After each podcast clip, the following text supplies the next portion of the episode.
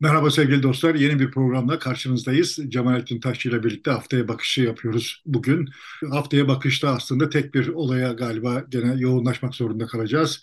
O da işte Ekrem İmamoğlu'na verilen e, ceza ve siyaseten yasaklanma ihtimalinin artık gün yüzüne çıkmış olması ve ona gösterilen reaksiyonlar bir altılı masanın e, ortaya koyduğu performans ve itiraz sesi yükselen kendi aralarındaki e, ilişkiler varsa olası çatlaklar, arıl yarılma noktaları ya da bir üst nasıl birleşebilirler meseleleri. Bir de doğal olarak Cumhurbaşkanı Erdoğan'ın ilk kez e, bir değerlendirmesi var. Bizi karıştırmayın, şahsımın bu işleri karıştırmayın, taht kavgasına bizi bir, bir alet etmeyin, Bizansvari işler bunlar filan deyip meseleyi görmezden gelen, yok sayan, işte hukuk işliyor, hukukun normal e, yoludur bu diyen bir yaklaşımı oldu. E, bunları değerlendireceğiz. Evet, yani zengin bir, yoğun bir hafta geçirdik daha doğrusu tek konu üzerinden. Çok hızlı geçti. Gerçi biz bir ekstra program yaptık e, hafta içerisinde. Bundan sonra da galiba, onu da istersen söyleyelim, çarşambaları seçime doğru bir program yapacağız. Seçimi 2023 seçimini ele alan, e, oradaki aktörlerin neler yaptığını, neler e, yapabileceklerini, vatandaşın tutumunun ne olacağını, sosyolojinin e, neyi gerektirmekte olduğunu, değişimin hangi yönlerde olduğunu filan gibi şeyleri ele alıp e, etraflıca konuşacağız. Evet, bu haftanın en önemli olayına gelmiş oluyoruz. Evet, şu, önce şunu bir işaret etmeden geçmeyeyim. Çarşamba akşamı yaptığımız o program yüzünden çarşamba akşamüstü normalde yayınlanan program biraz görmezden gelindi. Yani muhtemelen YouTube'un kendilerine gösterdiği programlara bakarak bizi izliyor olanlar varsa onlar çarşamba akşamüstü başka bir program yaptığımızın farkında da olmayabilirler. Bence hani orada söylediklerim aslında şimdi söyleyeceklerimi destekleyen şeylerdi. Ana hatları itibariyle şöyle başlayayım izin verirsen. Mevzunun konuşulacak çok tarafı var ve çok tarafından konuşuluyor zaten yani. Ama e, geçen çarşamba sabahı ya da işte e, salı akşamı Türkiye'nin kavramsal siyasi haritası e, her neydiyse bugün artık o değil. Yani Saraçhane'deki altılı şovdan ve bugün Erdoğan'ın yaptığı Mardin'de nihayet yaptığı açıklamadan sonra görünüyor ki artık farklı bir parselasyon var. Harita değişti yani. Bu harita bundan sonra böyle durmadan her gün her aksiyonla yeniden değişecek falan değil. Kazananlar kazandıklarını kazandılar, kaybedenler kaybettiklerini kaybettiler. Bir süre böyle soluklanılacaktır diye düşünüyorum. Ama evet çarşamba günleri doğrudan doğruya seçim siyaseti, seçim politikası konuşursak artık bizde uygun olacak diye düşünüyorum. Neydi harita ve nasıl değiştiğe bakacak olursak yani mevzi kaybedenler var, mevzi kazananlar var. Bu kazandıkları mevzileri hali hazırda tutabilecek gibi görünen iki tane oyuncu var. Bunların bir tanesi Akşener, bir tanesi İmamoğlu. Beni bilenler biliyor. Netice itibariyle ikisi de benim için çok makbul siyasi aktörler değil. İzledikleri siyaseti ve o siyaseti izlerken ki tarzlarını da çok olumluyor değilim. Ama çarşamba günü yaptıkları işin kendi menfaatleri, kendi siyasi menfaatleri açısından doğru olduğunu tespit etmek zorundayım. Yani bir oyun var idiyse, bir oyun derken kastım böyle hani bir tezgahtan falan filan söz etmiyorum. Yani karşılıklı hamleler yapılıyor, yapılıyordu olan bir oyun var idiyse ve o mahkeme kararı da o oyunun bir parçası, bir siya, e, satranç hamlesi idiyse ki öyle olduğunu düşünüyorum. O oyunu, o hamleyi yapanların kafasındaki oyunu bozduğunu düşünüyorum. İmamoğlu'nun çarşamba akşamı milleti Saraçhane'ye davet etmesi ve Akşener'in orada boy göstermesini o oyunu bozduğunu düşünüyorum. Bundan çok rahatsız olan iki, en az iki tane oyuncu var. Birisi AKP cenahı diyeyim. Yani Erdoğancılar diyeyim. Erdoğan'ın kendisinin ne, kay ne kaybedip ne kazandığını ayrıca konuşmamız gerekiyor ama Erdoğan'ın arkasında hizalanmış ve menfaatleri Erdoğan'ın iktidarına bağlı olan kesimlerin gözlerine far tutulmuş tavşan gibi kaldıkları görünüyor yani. Ne, ne yiyeceklerini şaşırdılar. Dolayısıyla onlar kaybettiler ve Kılıçdaroğlu kaybetti. Ama bir teferruat var. O teferruata işaret etmeden geçmek istemiyorum. Sonuçta çarşamba günü İmamoğlu'nun makamında bu mahkeme kararından haberdar olduğu anın videolarını paylaştı Murat Ongun. Buradan neyi anlamış olduk? O gün Murat Ongun oradaydı ve işte bunu bizimle de paylaştı. Kim Murat Ongun? Bu İmamoğlu'nun Trabzon gezisi sonrasında attığı tweetler yüzünden başı derde gir, İmamoğlu'nun başının derde girmesine sebep olmuş ve İmamoğlu'nun tırnak içinde yanından uzaklaştırdığını beyan etmek zorunda kaldığı şahıs. Hatırlıyoruz değil mi yani? Evet evet o tartışmayı gayet iyi biliyoruz. Ayrıca bir de sömestri tatilinde e, ailesi birlikte yurt dışındaydı. Sanki İstanbul'daymış gibi e, tweet atıyordu. O da açığa çıkmıştı. O da çok sevimsiz bir durumdu. Ve o olay üzerine konuşurken de biz demiştik ki yani Murat Ongun yine orada ama işte İmamoğlu biz dolandırıyor. Göründü ki işte İmamoğlu biz dolandırıyor yani. yani Murat Ongun'u uzaklaştırmış falan filan değil. Uzaklaştırması gerekiyor gerekmiyor. Bunları bunları konuşmuyor. Benim konuşmaya çalıştığım şey şu. Sana zarar vermiş olan bir adam var. Zarar görmüşsün. Baskı üzerine, sosyal baskı üzerine bizi tezgaha getiriyorsun. Adamın yanından uzaklaştırdığına dair bir hava oluşturuyorsun. Ve ama o gün orada Murat Ongun bu kaydı yapıyor ve bizimle paylaşıyor. Yani yani e, kaydı yap ama kendi adresinden veya sen yapmışsın gibi paylaşma. Evet. Hiç değilse yani biz dolandırıyor isen bu dolandırma işini sürdür ya. Bunu şimdi niye önemsiyorum? İmamoğlu'nun yanında böyle adamlar var. Kendi kariyerlerini İmamoğlu'nun kariyerinden daha önem daha çok önemsedikleri görünüyor olan insanlar bunlar ve bunları yönetemiyor İmamoğlu. Bunları bile yönetemiyor yani.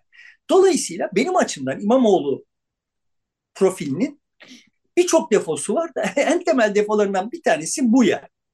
Ama bunu görüyor ve olayı böyle değerlendiriyor olduğum halde buradan İmamoğlu'nun kazançlı çıktığını düşünüyorum bu kazancın ne olduğunu tarif etmek için de çok makul bir düşünce deneyi teklif ediyorum. Yani eğer o gün İmamoğlu o Saraçhane'ye davet işini yapmamış olsaydı onun yerine gazetecileri muafık muhalif gazetecileri makamına davet edip bakın işte görüyorsunuz bana neler yapıyorlar falan filan diye mızmızlansaydı hikaye başka türlü gelişecekti.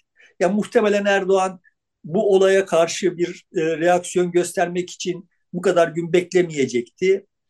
İşte altı lider, beş buçuk lider ertesi gün Perşembe günü Saraçhane'de bir araya gelip işte bir iş işlemek zorunda kalmayacaktı. Kılıçdaroğlu'nun Almanya'da olması vesaire üzerinden bir dedikodu dolaşmayacaktı vesaire ve işte İmamoğlu'nun adaylık ihtimali biraz daha erimiş, erozyona uğramış olacaktı.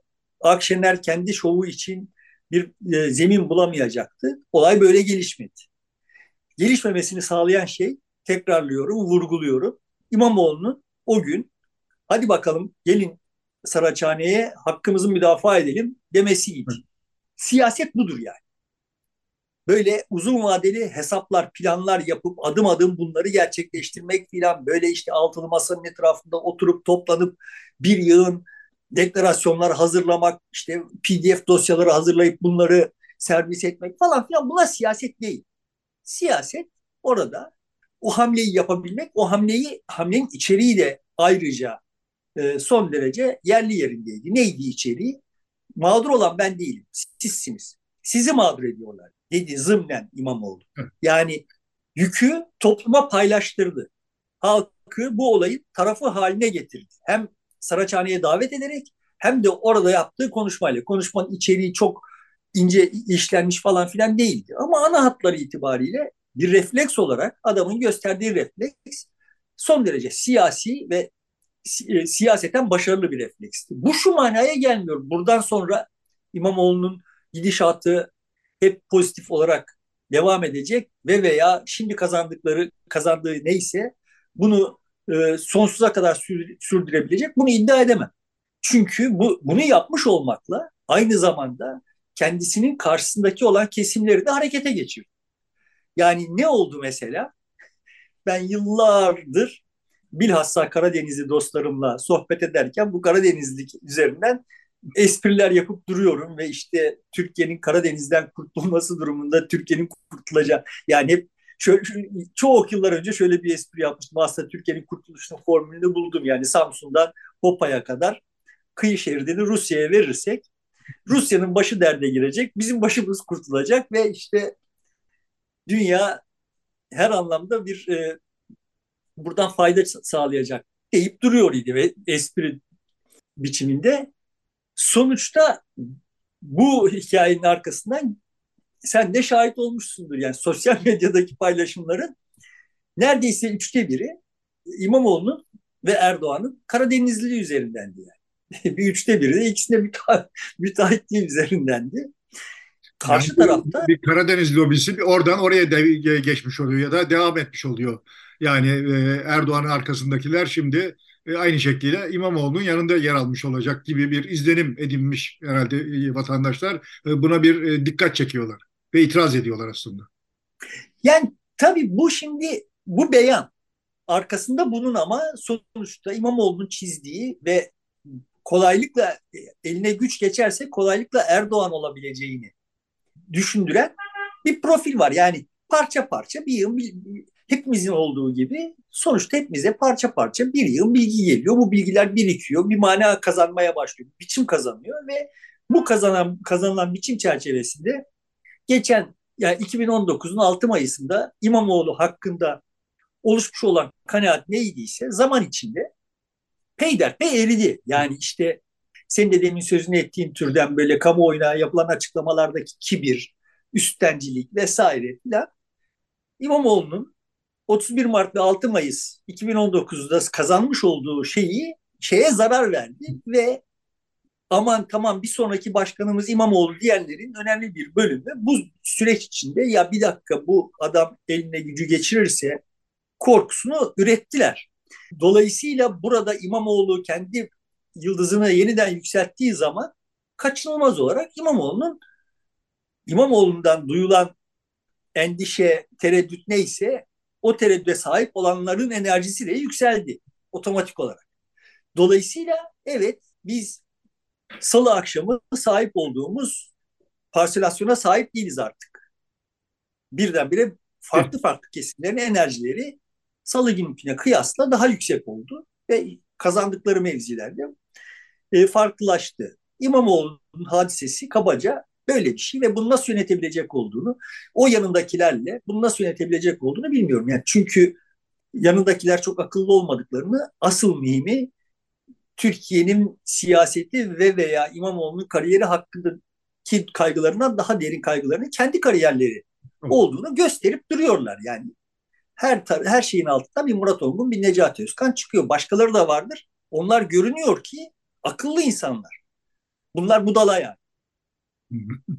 Bunlar e, İmamoğlu'nun uzun vadede kazancının kendilerine daha sistematik bir getiri getireceğinin farkında olmayan, kısa vadede ne varsa kapıp gitmek derdinde olan budalalar ve ama adam yanında bunları taşıyıp duruyor yani. E şimdi, ne, şimdi Meral Akşener geldi yanına siyasi olarak muhtemelen onunla birlikte daha yakın olacaktır ve beraber danışarak herhalde e, bundan sonra mesafe almayı deneyecektir. Gelelim Akşener'e. Akşener şimdi gelmedi İmamoğlu'nun yanına. Akşener'in yine seninle yaptığımız programlarda konuştuk. Yani aylar önce konuştuk. Yani Akşener'in tercihinin İmamoğlu olduğunu olduğu bence aşikar idi.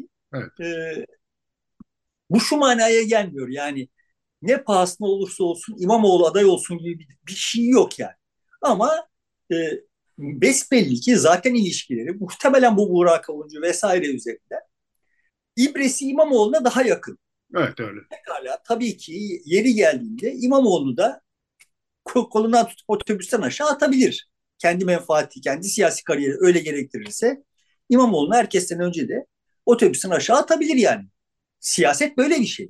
Ama kendi müttefiki olarak gördüğü İmamoğlu'ydu ve besbelli ki İmamoğlu'nun da kendi müttefiki olarak gördüğü Akşener'di. Yani o çarşamba akşamı orada böyle Kılıçdaroğlu'nu tacı atacak bir biçimde orada bulunmaları o anlık, o günlük bir hikaye falan değil. Bu bir zamandır zaten var olan bir şeyin tabii sonucu. Bunu şimdi keşfetmişse CHP'liler veya Kılıçdaroğlu akıl dışı bir şey. Onlar zaten biliyorlardır. Sadece şunu akıl edememiş olabilirler. Yani bu kadar pervasızca kadının Ankara'dan atlayıp o gün İmamoğlu'nun yanına Kılıçdaroğlu'na falan haber vermeden gidebileceğine ihtimal vermemiş olabilirler. Ama yani ara, ikisinin arasında bir ittifak olduğunu biliyorlar böyle. Ama bu sefer gitmese de başka türlü e, eleştiriler olurdu. Bak altılı masadan hiçbir lider gitmedi, yalnız kaldı falan gibi e, başka şeyler de gelebilirdi. Yani gitmesi anlaşılabilir bir şey. Çok eleştirilecek bir tutum değil. Yani ne güzel söylüyorsun. Sonuçta hayat gibi siyaset de sonuçta yaptığın her şeyin şöyle e, şu anlamda sonuçları da var, bu anlamda sonuçları da var. Yani şimdi Akşener gitmeseydi senin dediğin gibi bunun bambaşka sonuçları olacaktı. Gitti ve başka sonuçları oldu. Mesele şu. Buradan çıkan pozitif sonuçları sonuçlardan fayda kendisi için pozitif sonuçlardan fayda sağlayabilecek negatif sonuçları yönetebilecek kabiliyeti gösterebilecek mi gösteremeyecek mi? Her insan için her an hep tablo budur. Yani sen işte bir sınava girersin, sınavın sonuçları şöyle gelir. O o sınava hazırlanırken şunu hazırlanmamışsındır, bunun sonuçları böyle gelir. Bunları yönetebiliyor isen, buradan kazandığını, burada, buradan kaybettiğini hesaplayıp buradan toplamda bir pozitif şey çıkarabiliyor ise yol alırsın. Aksi halde üzerine basıp geçerler. Akşener de burada bir şey göze aldı ve bu göze aldığının bir takım sonuçları oldu. Birçok sonucu oldu. Bu birçok sonucun tamamının envanterini çıkaramayız. Zaten de çıkartmamız gerekmiyor. Çünkü hadise kendi yolunda devam ederken bazıları ayağına dolanacak. Onları yönetip yönetemeyeceğini göreceğiz. Ya da yani her birisi Türkiye'nin siyasetinde yani 2023 seçimine doğru giderken bize bazı imkanları kapatacak, bazı yollar açacak vesaire. Şimdi ama sorun şu, eğer o siyaset yapılmamış olsaydı, orada siyaset yapıldı. Siyaset yapılmamış olsaydı biz bugün hala işte böyle Kılıçdaroğlu'nun işte Demokrasi Vakfı'ndaki konuşmasında filan yap, ya da o, o gece orada yaptığı gibi işte endişelenmeyin. En, yani bizim endişelen, endişeli olduğumuzu biliyorlar yani. Oraya çıkan herkes bize bir endişelenmemeyi telkin etti o gece. Demek ki bu e, hanımlar beyler bizim endişeli olduğumuzu biliyorlar. Biz kimiz? Yani AKP'ye oy verecek olan da olsak, İyi Parti'ye oy verecek olan da olsak, CHP oy verecek olan da olsak biz endişeliyiz yani. Bize endişelenmeyin deyip durmanın bir manası yok. Endişeliyiz kardeşim. Yani, yani biliyorsunuz madem endişeli olduğumuzu yani o masadan poponuzu kaldıracaksınız bir şey yapacaksınız. Ve ne yapacak olduğunuzu ben söyleyeceksem o zaman oradan kalkın. Ben yapayım. Yok kendiniz akıl edebiliyor iseniz yapın yani. Demek ki siz o masanın etrafında altı, altı zatı muhterem oturup böyle mastürbasyon yapıp durmakla bizim endişelerimiz artıyor. Ya biliyorsunuz da yani. Durmadan biz endişelenmeyin deyip duran bir Kılıçdaroğlu var ve işte şimdi bu ama altılı masayı da yönetti ama bak işte helalleşme de dedi filan daha ne istiyorsun diyen bir de Kılıçdaroğlucular var. Yani, yani sen de bunlardan bir tanesi olmak kaydıyla bekliyorum. Yani ama kolay iş mi yani şimdi o altılı masayı? E tamam yani altılı masayı bir araya getirmek kolay iş değil ama eğer bizim endişelerimizi gidermiyor ise yani problem başka yerde. Bu şuna benziyor yani.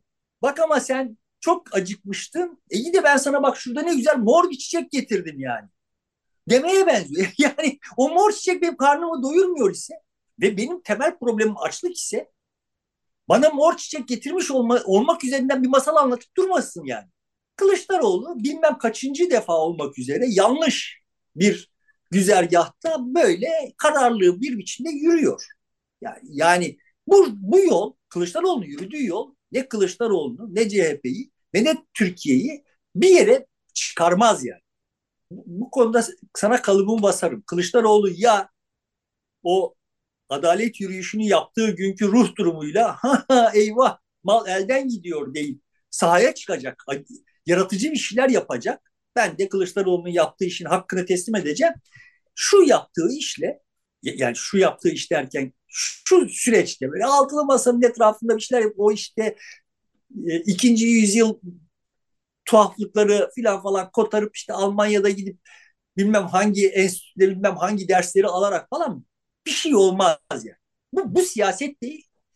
Kılıçdaroğlu beyefendi siyasetin toplumla yapılması gerektiğini, toplumun gaza getirilmesi gerektiğini tırnak içinde bir biçimde idrak ederse edecek. Şimdi Kılıçdaroğlu'nun memur olmasının biçimsiz sonuçlarını en en biçimsizlerinden bir tanesini yaşıyoruz. Memur ne demek? Yani amirin verdiği, çizdiği sınırlar dahilinde tanımlı olan görevleri yaparsın ve ortaya bir sonuç çıkar. Sonra seni amir yaparlar ve yanında yamacında işte bir yıl memurun vardır. Bunlara hakim olman gerekir amir olarak. Senin kendi kafanda daha o memurların her birisinin bir parça olduğu bütünlüklü bir görev vardır bu sefer. Ve o göreve nasıl ulaşılacağını, o görevin parçalarını kime nasıl dağıtacağını kararlaştırırsın, dağıtırsın. Sonra da birisi ama ben bunu niye yapıyorum ya da bu böyle değil de şöyle olsa dediği zaman onu bastırma. Ya senin bilmediğin bir şey var ben biliyorum deyip onu sindirmen gerekir. Şimdi Kılıçdaroğlu'nun bütün CHP Genel Başkanlığı böyle bir şey yani. Bize hep yani CHP kamuoyuna hep dedi ki sizin bilmediğiniz bir şey var ben biliyorum. Ve gördük ki işte Baykal'ın şeyine de hakim olamadı, e, meclis başkanlığı adaylığına da hakim olamadı, işte e, şeylerde istiş, istikşafi görüşmelerde bir takım imkanları heder etti falan falan ve gördük ki bir şey bilmiyormuş yani. Yani onun kafasındaki tasavvurla, onun yürüdüğü yolla bu yol yürünemiyormuş. Yani orada yani bu e, kadar işte, sürede öğrenemiyor mu e, siyaseti e, Kılıçdaroğlu? Tamam memurdu. Şimdi Aydın Doğan'ın hikayesi vardır işte. Abdi İpekçi'nin öldürülmesinden sonra bir geçiş süreci yaşandı. Arkasından da Aydın Doğan gazetenin sahibi oldu. Buna hep işte oradaki yönetici gazeteciler işte ya sen bunu anlamazsın filan deyip işte işleri yürütüyorlarmış. Aradan bir, bir 10-12 yıl geçtikten sonra gene aynı terane devam edince bu demiş ki ya bu gazetecilik ne kadar sürede öğreniliyor? Bunun mektebi ne kadar sürüyor falan diye sormuş. E biz bunu alalı 10 yılı geçti. Daha hala öğrenemedik mi? Diplomayı almadık mı diye e, el koymuş meseleye. Yani bu, bu şekilde bir öğrenme süreci olmuyor mu yani? Ya öğrenebilen öğrenir. İki ayda da öğrenir yani. Öğrenebilecek olan öğrenir. Memur genetik koduna memurluk yazılmış olan memurluk yaparak siyaset yapılacağı varsayımını terk etmiyor ise 200 yıl yaşasa da öğrenemez. Ve görünüyor ki yani bize işte ek belletini kazıklamış arkasından işte e, gel bakalım neydi? Muharrem. Muharrem deyip Muharrem'i e, daha sahaya çıkmadan itlaf etmiş filan. Bütün derdi gücü kendi pozisyonu. Yani bir dakika ben karar vereceğim. Pozisyonunu tahkim etmek olan. Çünkü memurluk o. Yani kendi pozisyonunu memurları tarafından sorgulanmasına mani olmak. Hayatı bundan ibaret gören bir varlık yani Kılıçdaroğlu. Kılıçdaroğlu'ndan bir cacık olmaz. Boşuna hayal kurmayın yani. Bu kadar sene olmadı. Bu şimdi hiç olmaz. Hiç olmaz yani.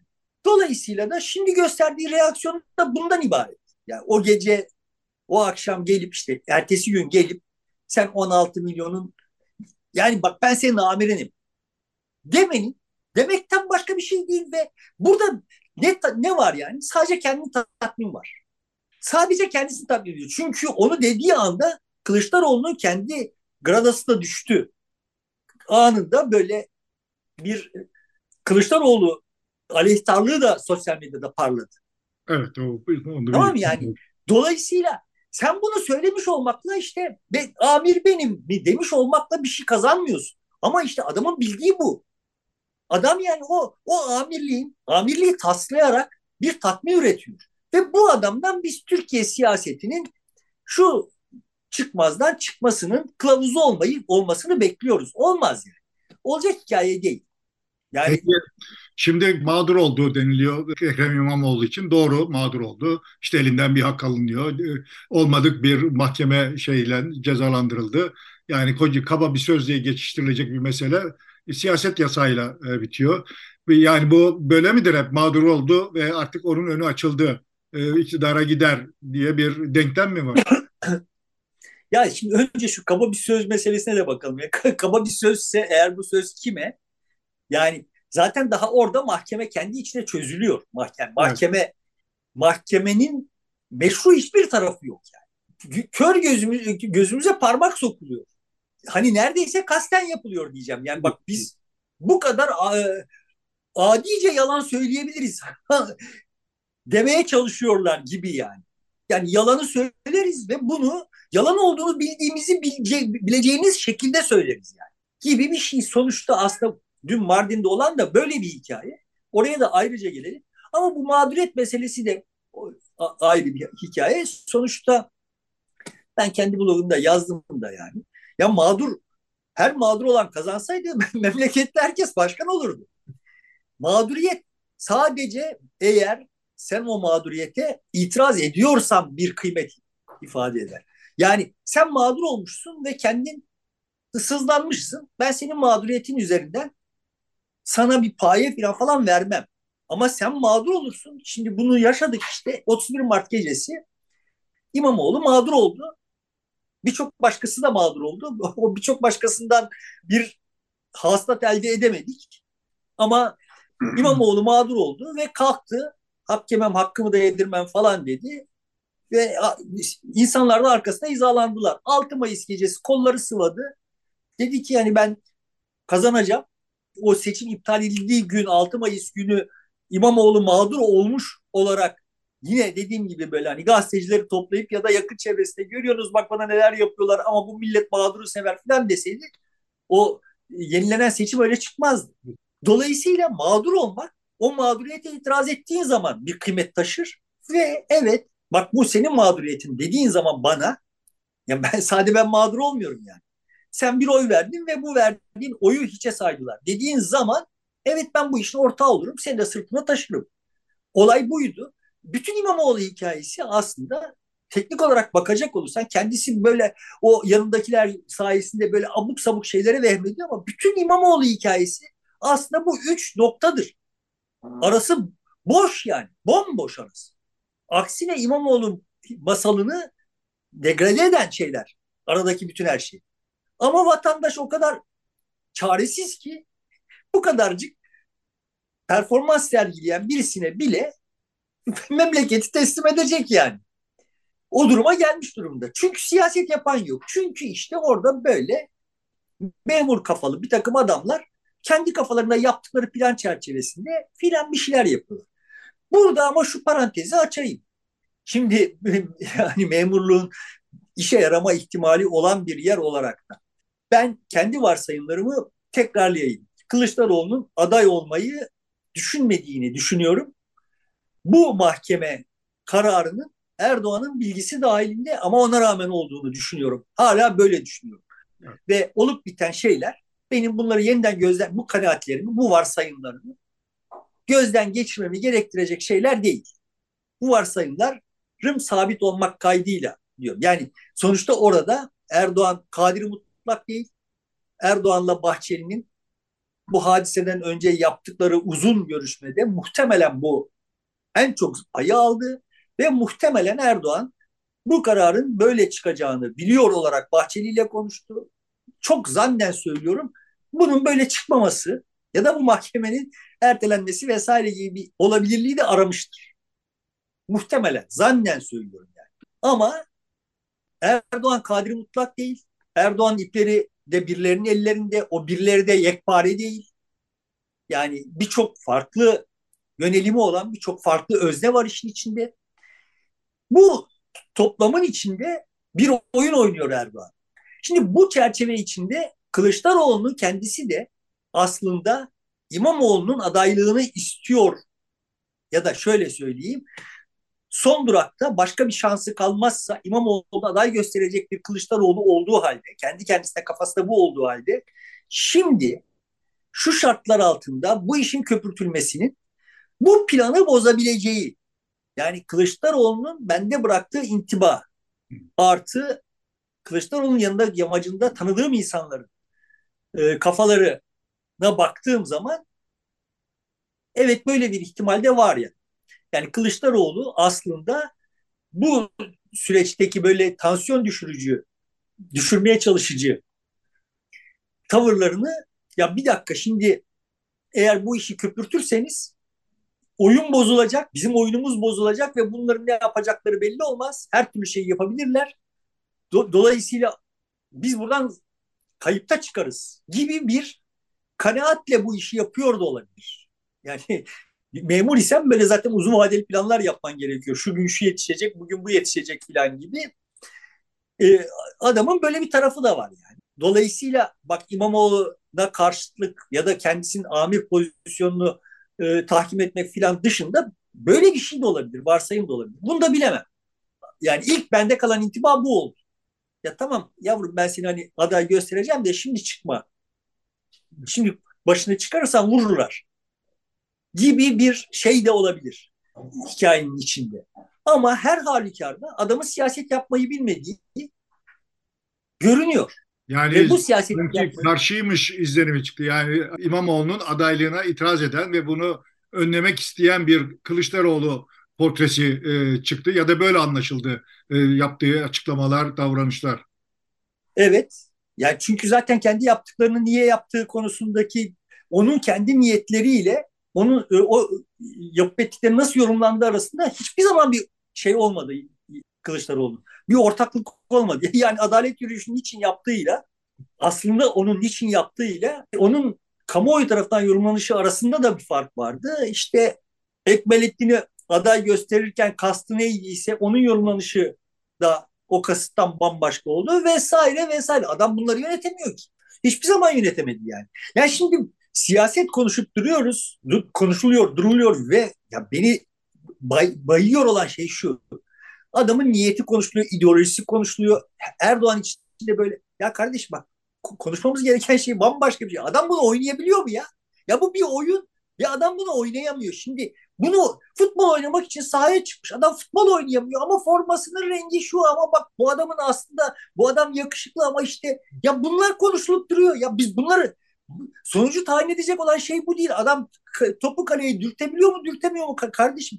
Mevzu bundan ibaret yani. Ama böyle tur durmadan niyetler, vasıflar vesaireler bir şeyler konuşuluyor, konuşuluyor, konuşuluyor. Erdoğan üzerinden de böyle yani. Yani şimdi bize bir masal anlatılıyor işte böyle siyaset dehası filan. Yani siyaset dehası olup ne yapmış? Ahı gitmiş, vahı kalmış bir e, düzen var. 28 Şubat'ta bittiğini kendisi ilan etmiş. 60'larda kurulmuş. 90'lara geldiğinde artık aşırı yaşlanmış. Her tarafından dökülüyor olan bir düzen vardı ve 90'ların ortasında patladı. Patladığını nereden anladık? Eskiden iyi kötü bir rıza üretiyordu. Bir hikayesi vardı. Yani seni beni sürükleyen bir hikayesi vardı. Neydi? İşte Denizli'nin çocukları çıkacaklar köylerinden, gelecekler Ankara'da, ülkede okuyacaklar, şunu olacaklar falan ve bunu söz dinlerlerse, uslu olurlarsa, başlarını açarlar ama işte aynı zamanda Müslüman kalırlarsa falan yani dine sövmezlerse, işte Atatürk'e sövmezlerse, uslu çocuk olurlarsa buradan nemalanacaklar. Sonuçta işte tabii bu bütün düzenler böyle kurulur. Bir hikayesi vardır. Ve o düzenlerin tamamı zaman içinde birileri tarafından istismar edilirler ve istismar edenler o düzenin inandırıcılığının kaybolmasına sebep olur. İnandırıcılığı kaybolduğu zaman düzen ne yapar? Şiddet uygular. Yani eğer mekteple seni biçimlendirmeyi beceremiyor ise sana askeriyle, polisiyle dünyayı zindan eder. Şimdi 28 Şubat'ta o hikaye artık çalışmıyor idi. Toplum bunu yemiyor idi yani. Toplum bunu yemiyor. Toplumu yiyen kesimleri vardı ama yemeyen kesimleri enerji kazanmış, güç kazanmış ve sahneye çıkmak için bariyerleri zorlamaya başlamıştı. Ne yaptı 28 Şubat? Gözümüzün içine baka baka yalanlar söyledi. Şimdi Erdoğan'ın yaptığı gibi gözü üstümüze polisi saldı. Mahkemeyi saldı. Ya, yani şimdi İran'da gencecik çocukları bu hadisenin içinde idam edip duruyorlar. Orada Zindaşlı diye bir tane zibidi var. Devleti, ya yani bu heriflerin temsil ettikleri ne varsa onu soymuş bilmem kaç milyar dolar. Herifin hakkında idam cezası var. 7 yıldır uygulanmıyor. O idam cezası 7 yıldır uygulanmıyor. Bugün verilen karar yarın uygulanıyor burada birilerine, güçsüz birilerine. Tam şimdi burada röntgeni çek yani. 28 Şubat böyle bir şeydi. Orada yakaladığı, gücünü yettiği bir şeyleri yargı davası marifetiyle veya kim vurduya götürerek filan hakkından geliyordu ama suçlu olduğu apaçık görünüyor olan bir yığın insana bir şey olmuyordu. Hepimizin gözünün önünde oldu bunlar. Bizi korkutarak, mahkemeyle şununla bununla toplumun belli kesimlerini baskı altına almaya almak zorunda kalmış o kadar çürümüş bir düzen vardı. 40 yılda bu hale gelmişti. O hale gelmişti yani. Şimdi o hikayenin karşı tarafında var olan enerjinin üzerine oturdu adam. Buradan bir siyaset dehası çıkarılıyor. O vesayeti yıkmış. O vesayet zaten bitmişti. Yani zaten dokunsan yıkılacak durumdaydı. Yani yap yapabildiği işte 2007'de emuhtıra vermekti. Adamların, o generallerin böyle burnundan kıl aldırmayan, 1990 ortalarının burnundan kıl aldırmayan şerleri 80 sene sürecekmiş gibi görünen generallerinin geldikleri nokta aha işte o 2007 o e-muhtıraydı ve patır patır toplandılar kardeşim. O e-muhtıranın da, bir, e-muhtıranın da bir anlamı yoktu. Zaten olması olan iş olmuştu yani. Lüzumsuz bir şey yaptılar. Ve o bir şey yapmak olmak adına yaptılar. Onu da büyük kaybettiler evet. Evet yani sonuçta o ben bunları şimdi söylemiyorum. 28 Şubat'ta yazıp çizerken de söyledim. Bu, bu rejimin son nefesleridir. Yani çok ağır maliyeti var topluma ama son nefesleridir. Yani bu sürebilecek bir şey değil. Yani. Şimdi geldiğimiz nokta o 28 Şubat'ın karşıtlığı üzerinden. Yani şimdi orada kimler vardı? E, Ertuğrul Özkökler falan falan o generallerin arkasında hizalanmışlar. Burunlarından kıl aldırmıyorlar. Sittin sene bu düzen devam edecekmiş gibi bunu ideolojilendiriyorlar, hikayelendiriyorlar. işte hikayelendirmesi Ertuğrul Özkök'e kalmış olan hikaye zaten o kadar olur. Ertuğrul Özkök kafasıyla ancak o kadar olur yani işler. Ama o dönem içinde o, o generaller, o Ertuğrul Özkökler, onların arkasında, yanında, yamacında olanlar balı götürdüler mi? Götürdüler. Şimdi de tablo bu. Bu hikayenin sürme şansı yok. Gözümüzün içine baka baka yalan söylüyor adam Mardin'de. Mevzu ne? Orada bir insan onu alkışlıyor. Ya o insanlar adamın yalan söylediğini bilmiyorlar mı? Biliyorlar. Nasıl siz 28 Şubat'ta size yalan söylenirken yalan söylendiğini biliyor idiyseniz ya da yani ona yine o, o yalanın o hikayenin sürmesi için bir şeyler yapıyor olan birilerini kastediyorum yani.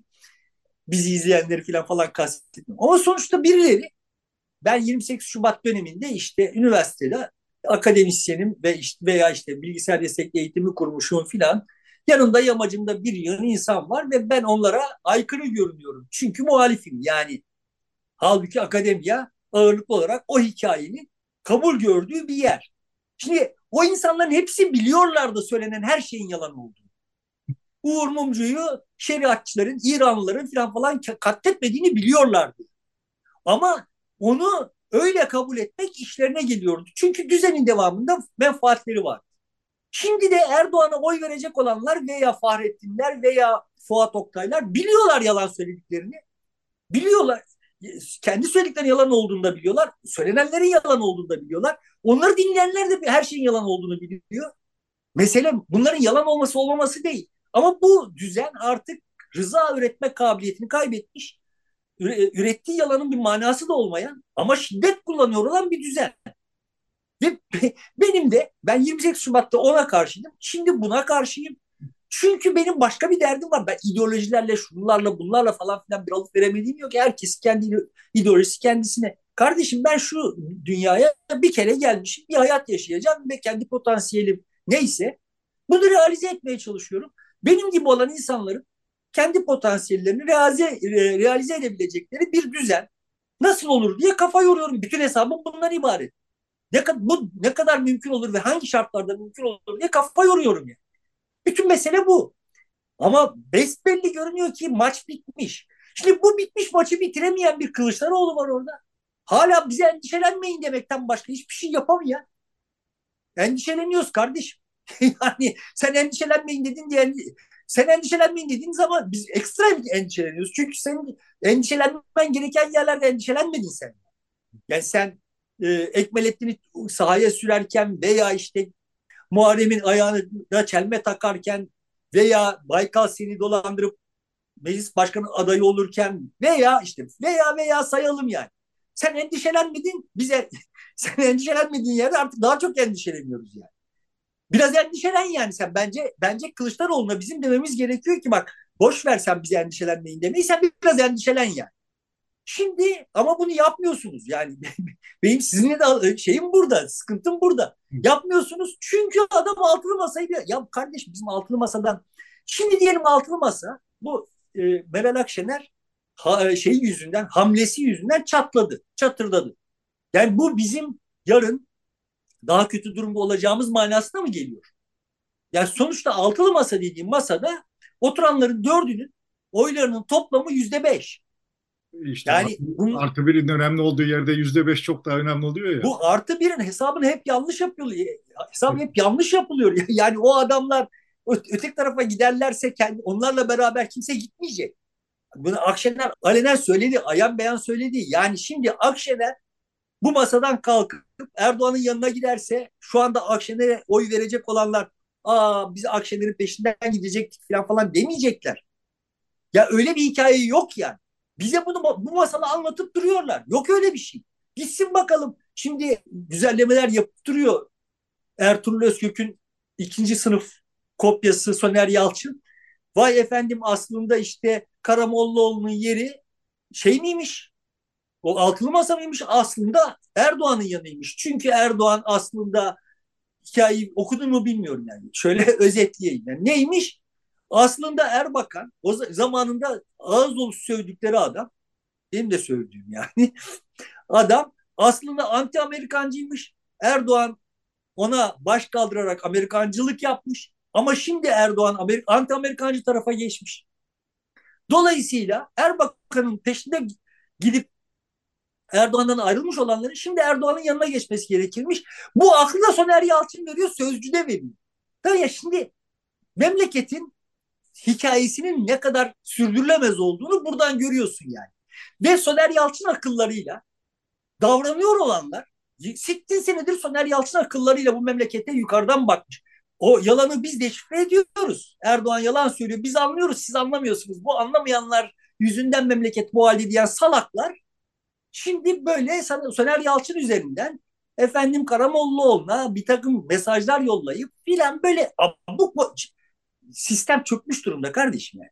Buradan bir çıkış bulabileceksek hep beraber bir biçimde bulacağız. Tamam böyle ben akıllıyım, aldanmıyorum, hikayeyi ben doğru okudum falan falan deyip diğer salakların yani 28 Şubat'ta askerlerin peşinden şimdi abuk sabuk işte Soner Yalçınların, cartların, curtlarına peş, peşinden gidenlerin görmesi gerekiyor ki böyle üstten üstten o Erdoğan'a oy verenlere üstten üstten bir şeyler buyurarak sürdürebilecekleri bir düzen yok artık yani. Bunu askerler öğrendi, kendilerinin de öğrenmeleri gerekiyor.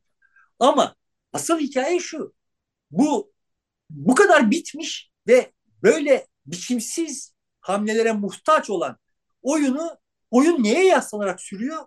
Ortada bir muhalefet olmamasına yaslanarak sürüyor. Muhalif aktör, bir, bir taşıyıcı bir şey olmaması yüzünden sürüyor. Eğer bir muhalif aktör alıp bu oyunu götürecek olursa, Erdoğan'ı devirecek olursa gün yüzde çıkacağız diye bir şey de yok. Çünkü elimizde bir devlet kalmadı, bir şey kalmadı. Güvenebileceğimiz herhangi bir kurum kalmadı. Bir hikaye yok ortada. Bir hikayeye ihtiyacımız var. Bizi peşinden sürükleyecek, sonunda yalan olduğu ortaya çıkacak. Ama yani bir biçim, bir süre bizi harekette tutacak. Bir hikaye yazılması gerekiyor. Bunların hiçbirisinin böyle bir hikaye yazabilecek kabiliyetleri yok. Entelijansiyasının zaten böyle bir derdi yok.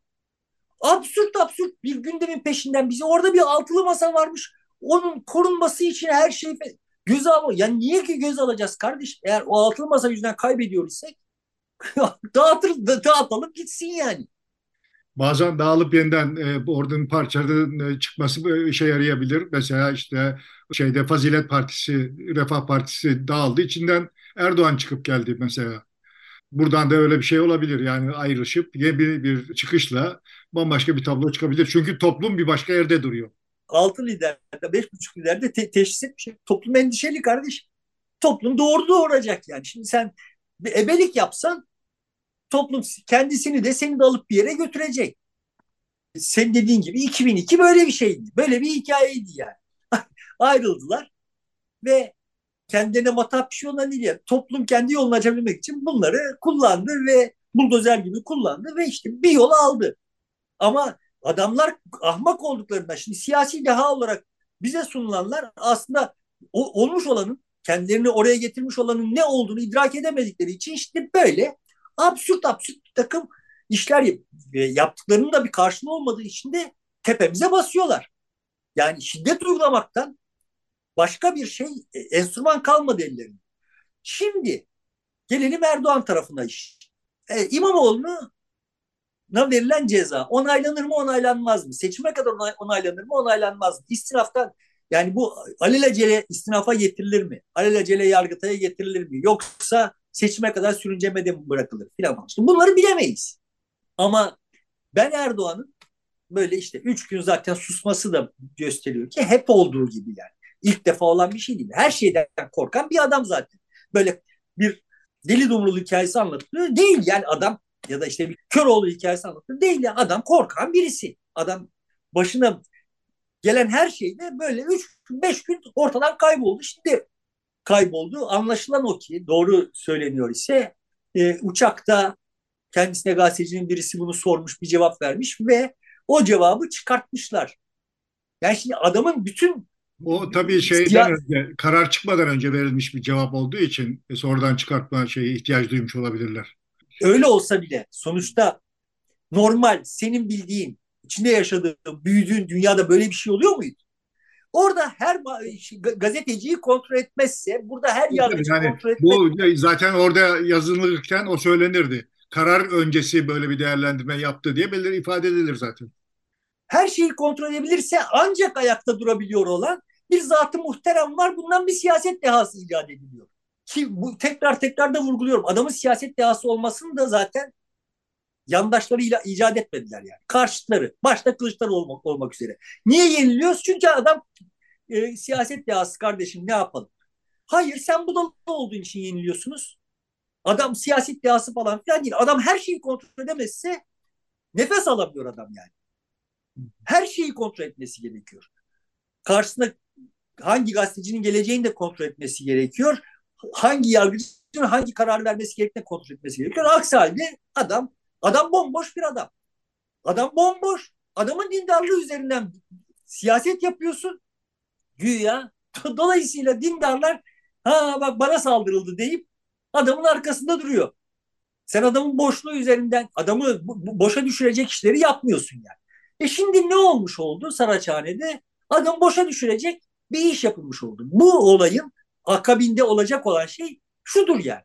Ya Erdoğan buradan hızlı yani eğer bu şeyi sürdürebilirlerse hızlı bir biçimde geri, gerileyecek yani arkasındaki destek çünkü hikaye sahiden çok biçimsiz. Mahkemenin tamamı bir komedi. Ama bir de orada e, olmayan bir fıkrayı da ilave etmişler biliyorsun. evet yani. aslında ben yani işin hukuki tarafını bilmiyorum. O aslında kasten bu mahkemenin böyle sonuçlanmasını dizayn etmiş olanların aslında İmamoğlu yani er, Erdoğan'ın bu işi kendi menfaatine kullanma ihtimaline karşı soktukları bir biçimsizlik olabileceği gibi komplolara da sahibim yani. Tamam yani ama sonuçta iş şuraya da varabilir. Ya, yani bu kalkışma, kalkışma derken kastım e, kabarma, sosyal, sosyopolitik kabarmayı eğer kontrol edemeyecek olduğunu hissederse Erdoğan, buradan yani Akşener'e de bir dava, Kılıçdaroğlu'na da bir dava, hatta bir takım siyasi saldırılar vesaireler falan falan da ya yani şiddetin dozu artabilir. Tamam mı? Yani bu bu ihtimal dahilinde. Türkiye şimdi o kadar kaotik bir ortamda yani. Bunu idrak etmiş olmak gerekiyor. Ama idrak edemiyoruz. Ya da idrak etmiş olan kimse yok. Dolayısıyla şimdi Akşener'in yaptığı çıkış altılı masayı dağıtabilir mi? Dağıtabilir. Bunu bilemem yani. Ama o altılı masa dağıldığı zaman başka bir oyun kurulur ve orada başka imkan, bir takım imkanlar ortadan kalkar. Hiç şüphem yok. Ama başka imkanlar doğar. Bunlar değerlendirilebilirse başka bir şey olur. Değerlendirilemezse başka bir şey olur. Siyaset böyle bir şey. Böyle uzun vadeli, şimdi yaptığın hamleyle böyle uzun vadeli planlar yürüyecek filan böyle bir dünya yok yani. Dolayısıyla da aptalca şeyler konuşuyoruz. Aptalca şeyler konuşmaktan, dinlemekten sahiden gına geldi, bıkkınlık geldi. Böyle tuhaf tuhaf Sonuçta görünüyor olan şey belli. İmamoğlu yaptığı işte üç tane çıkışla bir biçimde bu kuraklık içinde birileri için Erdoğan'ı devirebilecek bir adam. Yani böyle acayip hikayesi yazılmış olan Erdoğan'ı devirebilecek bir adam olarak görünüyor. Öyle algılanıyor. Şimdi vatandaşın uzun boylu şeyleri e, vakti falan falan yok ki ona böyle yenilemez bir Erdoğan yıllar boyunca defalarca anlatıldı. O zannediyor ki sahiden Erdoğan yenilemez. Yani Erdoğan sahiden bir siyasi deha zannediyor. Dolayısıyla onu devirebilmek için bir can simidi ararken İmamoğlu oradan görünmüş ve hissediyor ki evet tamam ben bu işi İmamoğlu'yla halledebilirim. Ama öteki taraftan İmamoğlu da öyle biçimsiz işler yapmış ki ben şimdi bu Erdoğan'ı İmamoğlu'yla deviririm ama bir başka Erdoğan mı olur? Filan diye böyle bir kaygısı da var insanların önemli bir bölümünün. E, öteki tarafta işte Akşener çıkmış ondan ona bir, bir takım şeyler kıymetler vehmetmiş birileri. E o oyunu oynayamamış. Çünkü partisine hakim olamamış. Şimdi o bir yanda partisi, bir yanda kendisi, bir yanda İmamoğlu vesaire or, orada bir dans yapmaya çalışıyor ve can havliyle burada bu operasyonu yapmış yani. Bunların arasında vatandaş tırnak içinde endişeli. Ve altılı masa çıkıyor bize Saraçhane'de bir şeyler söylüyor, anlatıyor dandik dundik. Ali Babacan çıkıyor bir Demirtaş lafı ediyor. Kalabalıktan acayip bir tezahürat çıkıyor. Yani hiçbir isim için çıkmayan ve hiçbir sloganda çıkmayan bir tezahürat çıkıyor. Böyle alçak sesle telaffuz edilmiş bir Demirtaş lafından. Ya şimdi hikaye görünüyor ya. Nesine bakacağız? Yani Saraçhane'deki tezgah ağırlıklı olarak ta- tahmin edebiliriz ki ağırlıklı olarak CHP ilk teşkilatı ile İP ilk teşkilatı tarafından organize edilmiş. Bindirilmiş kıtalar varsa yani vardır. Kalabalığın ne kadarıdır bilmiyorum. Ama o kalabalığın bindirilmiş kıtaları CHP'li ve İyi Partili. Ve İyi, İyi Partili. Onun dışındaki kalabalıkta yani şunu pek hala biliyoruz ki örgütlü bir Kürt katılımı yok. Yoktur, yok. Çünkü olağanüstü kırgınlar.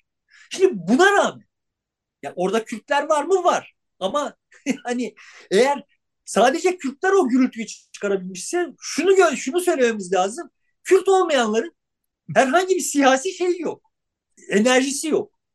Muhtemelen olay öyle değil. Muhtemelen olay nasıl? CHP'li ve İyi Partili bindirilmiş kıtalar dahil herkes Demirtaş bahse konu olduğunda Demirtaş adı zikredildiğinde o partilerin genel başkanlarının vesaire korktukları şey, şey, vasıflara sahip değiller. Pekala Demirtaş'ın yanında durabiliyorlar yani. Yani sen şimdi HDP'ye yanaşırsan bana şöyle yapacaklar diye korkuyorsun ama senin sana oy verecek olan senin seni alkışlasınlar diye getirdiğin insanlar Demirtaş'ı alkışlıyorlar yani. Şimdi bunu değerlendir. Orada vatandaşın e, durumu da şu yani Dün Demirtaş'ı aldılar. İşte arkasından Canan Kaftancıoğlu'na ceza verdiler. Bu kadar milletvekilini belediye başkanını aldılar. E şimdi de İstanbul Büyükşehir Belediye Başkanı'nı alıp e, siyaset yasağı koyuyorlar. E, onlar bu kadar güçlüyken, seçilmiş insanlarken e, buna muhatapsa vay benim halime diye büyük oranda endişe duyuyordur ve sıkılıyordur. Benim başıma ne gelir? Bir şey geldiğinde beni kim koruyacak? Endişesi vardır ve onunla ilgili olarak muhtemelen hep birlikte bağırıyorlardır. E, amenna. O zaman yani sen e, HDP'ye vesaireye yanaşmaktan niye korkuyorsun? Evet ya bir yanlış şey bir anlamı yok korkmasının. Şimdi bunu değerlendirebilecek kadar bir akıl var mı o altılı masada? Yok. yani Babacan Can Havli ile altılı masada Kürt oylarına en talip e, olma konusunda en iddialı kendisini gördüğü için yani diğer herkes bir tarafa kaçışıyor. Kürt deyince herkes bir tarafa kaçışıyor. bir tek Babacan'a kaldı bu e, hadise. Dolayısıyla o da o can havliyle o lafı orada ediyor. Ama gördüğü reaksiyon bariz bir şey gösteriyor. Şimdi geçen videonun altına izleyicilerden birisi şey demiş yani katılım ve içerik çok sönüktü ne diyorsunuz? Ben katılım sönük müydü bilmiyorum yani bana o kadar sönük gelmedi. Yani Yok. katılım o şartlarda olabilecek katılım olarak ba- bana iyi göründü. Kameradan yani şeyde bilmiyorum. içinde değildi. Ama içerik zaten bundan daha güçlü olamaz. Yani zaten bir muhteva yok. Altı tane böyle eklektik bir araya gelmiş. O, o yüzden de zaten kıpırdayamıyor olan hantal bir mekanizma var ve bu altısı ilk defa zaruretten orada bir beş buçuğu oraya gelmişler. Yani daha nasıl bir muhteva beklenebilir yani? Olan muhteva bu zaten. Ama işte o muhtevada orada bir gün öncesinde Kılıçdaroğlu'nun adı geçtiğinde halkta böyle bir memnuniyetsizlik şeyi vardı. Burada Kılıçdaroğlu yine 11 madde saydı böyle. Yani sahiden bir akıl tutulması olacak iş değil yani. E, herhangi bir heyecan uyandıramadı. Kimse de bir heyecan uyandıramadı. Yani Gültekin böyle bir tuhaf tuhaf şiir okudu falan. Ses tonlarıyla bir şeyler yaptı falan. Ama ya benim anlamadığım bir de böyle sosyal medyada bana ulaşan şeylerde yani ama en iyisi Ali Babacan'dı. Türe bir şeyler var. Onu, eğer Ali Babacan'ın kendi yandaşları yapmıyor ise insanlar neden iyi buldular Ali Babacan'ı hani böyle ses tonu bağırmadan çağırmadan konuşması filan gibi bir takım gerekçeler söylüyorlar. Bana kalırsa sadece Demirtaş'ın adını zikretmesi yüzünden muhtemelen oldu. Demirtaş oldu. O muhtemelen sadece Demirtaş sözünü söylemiş olmasında. Ama yani bu gösteriyor ki Türkiye'nin başka bir yeri acıyor yani. Sancıyan yeri başka. Sizin okuduğunuz yer değil yani. Yani buradan bir şey öğrenmeyen siyasi aktörlerden biz yani toplum kendisi kendi şeyini çıkartmaya çalışıyor. Görüyoruz yani. Bunu başarabilir, başaramaz. Çıkartmaya çalıştığı şey doğrudur, yanlıştır. Bunlar basit yani. Yani toplumun e, oturduğu yer ile bunları koltuk tuttuğu yer arasında bir kilometre mesafe var. yani sonra toplum suçlanıyor. Ya, ya bak kardeşim kulakları sağır olan orada ne dönüyor olduğuna kendi te, kurdukları oyunun içinde ne dönüyor olduğunu anlayamayan birileri var. Bunlar 6'sı bir araya gelse, 36'sı bir araya gelse, 96'sı bir araya gelse ne olur yani? Şimdi gelelim bu olaya bağlı olarak Kürtlerin durumuna. Yani ben benim hissettiğim Kürtlerdeki kırgınlık çok hızlı bir biçimde büyüyor ve kimse Kürtleri sandığa götüremeyebilir yani. HDP bile götüremeyebilir. Yani HDP kendi adayını çıkarttığı zaman bile sandığa götüremeyebilir. Kürtler sandığa gitmediği zaman hadise nasıl olur bilmiyorum. Yani bunu bunu sayabilecek durumum yok. Teknik olarak daha önce e, söylediğim şeyi söyle, tekrarlayayım başka bir başka kelimelerle. Kürtsüz de Erdoğan'ın kaybetmesi yani sandığa gitmediği, Kürtler sandığa gitmediği bir oyunda da Erdoğan'ın kaybetmesi benim açımdan mukadderdir. Bütün bu altılı masanın budalalığına rağmen Erdoğan bu seçimi kaybedecek. Evet, öyle. Benim benim baktığım şey. Şu şu andaki tablo itibariyle. Çünkü ikrah getirdi millet.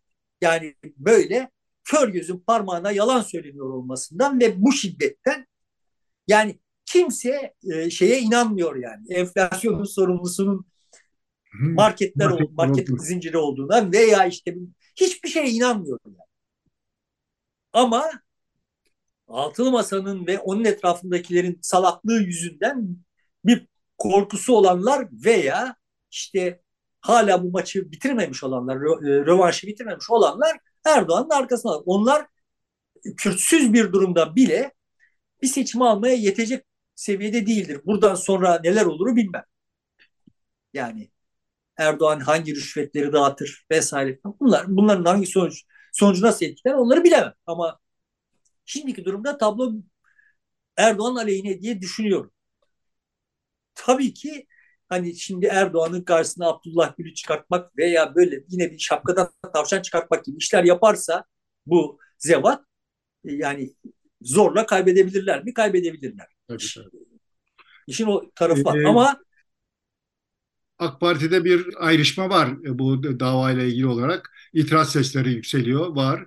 E, bir memnuniyetsizlik olan bir durum var bu büyüyebilir, büyüyebilir mi? Bir çatlak oluşturur mu? Yoksa e, Erdoğan bunu e, tekrar yapıştırır mı? Yani oradan e, bir ayrışma bekliyor musun? Oradan bir ayrışma beklemiyorum. Yani o ayrışma var senin işaret ettiğin gibi. E, ama böyle hani yapısal bir bölünme falan falan beklemiyorum. Ama huzursuzluk büyük ölçüde biz bu seçimi kaybediyoruz ve bu yaptıklarımız da kaybetme ihtimalimizi arttırıyor huzursuzluğu. Yoksa hani kimsenin ilke bazında vesaire falan bir itirazı olduğunu düşünmüyorum. Yani ne kadar ilkesiz adam varsa orada kaldı zaten yani. Evet. Dolayısıyla dolayısıyla onların itirazlarının bir manası yok. Yani onların itirazları ya bak böyle yapıyoruz ama seçimi kaybedeceğiz. Yani reisin her şeyi biliyor olduğuna inançları kalmadı. Çünkü reis hiçbir şey bilmiyor olduğu göründü yani. İşte ama şimdi e, seçimi kaybediyoruz duygusu bir süre daha e, devam eder ve iyice pekişirse e, bu sefer de bir çözüm arayışı yani kazananın yanında yer alma isteği öne çıkabilir mi? Kimse o kimse onu onları yeni yeni oyunu ortak etmez ya. Ancak Erdoğan'ın yanında bir ağırlıkları var. Yani ben, ben onların seçmen, seçmen kitlesi itibariyle söylüyorum. Yani AK Parti oy veren kitlesi itibariyle zaten o Kürtsüz bir seçimi bile kaybedecek Erdoğan derken ki kastım zaten o seçmen kitlesi gitti. Yani o seçmen kitlesi bambaşka sebeplerle gitti. Yani dediğim gibi kendisine yalan söyleniyor olması vesaire falan aşağılanıyor ya. Resmen adam aşağılıyor. Herkesi aşağılıyor yani. Şimdi ama Türkiye'de hakikaten üzerinde düşünülmesi gereken hususlardan bir tanesi yani Kürtlerin kırgınlığı. Yani benim tahmin ettiğimden çok daha hızlı ve derin bir şekilde gerçekleşti. Ben bek ben çok açık söyleyeyim. Yani ben seçime kadar Kürtlerin bu bu kadar e, maçtan uzaklaşacağını, tribünleri terk edeceklerine ihtimal vermiyordum. Ve bu herkes için e, herkesin üzerine kafa yorması gereken bir şey. Yani Kürt düşmanlarının da üzerine kafa yorması gereken bir şey. Son olarak şeyi de konuşalım yani Bahçeli'yi de konuşalım.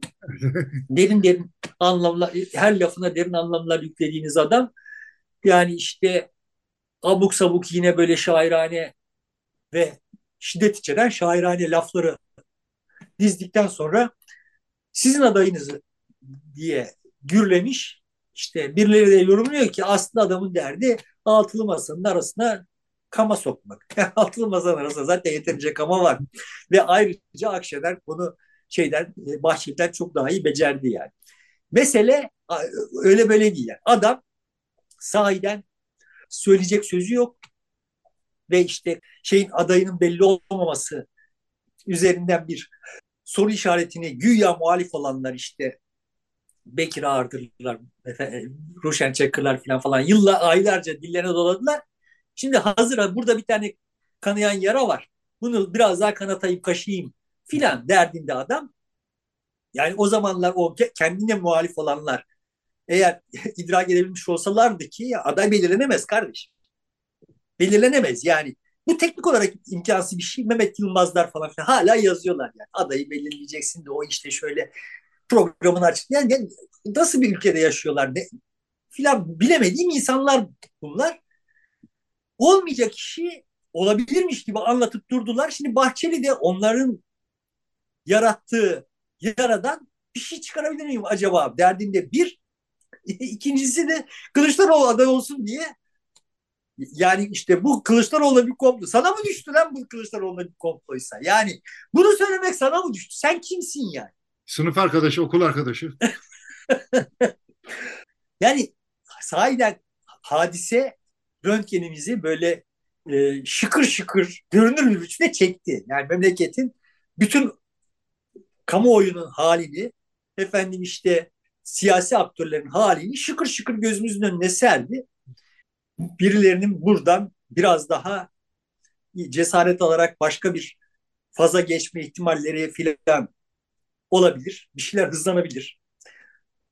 Hızlanması istenmediği halde hızlamak, hızlanmak zorunda kalabilir. Öyle bir e, faza geçtiğimiz zannındayım. O yüzden hani dediğin gibi en başta dediğin gibi biz çarşambaları mühim şeylere falan ara verip doğrudan doğruya Türk siyaseti seçim politikası yani işte seçim politikası üzerine bu aktörümsülerin yapıp ettikleri yapama yapamayıp edemedikleri hakkında düşündüklerimizi paylaşalım. Evet. Hafta sonları da biraz daha serin kanlı bir biçimde dünyada ne oluyor? Ekonomide ne oluyor? İşte iklimde ne oluyor? Bunlar üzerine biraz konuşuruz. Konuşalım. O zaman burada bitiriyoruz. Sevgili dostlar, evet. E, burada bitiriyoruz programı. E, gene e, tek konuya ayırdık ama maalesef gündem bunun üzerinde şekillendi. E, biz de bundan devam ettik. Evet, çarşambaları artık e, siyaset e, seçim e, 2023 e, başlığıyla herhalde bunları konuşacağız. E, görüşmek üzere diyorum. Destekleriniz için çok teşekkürler. Hoşçakalın.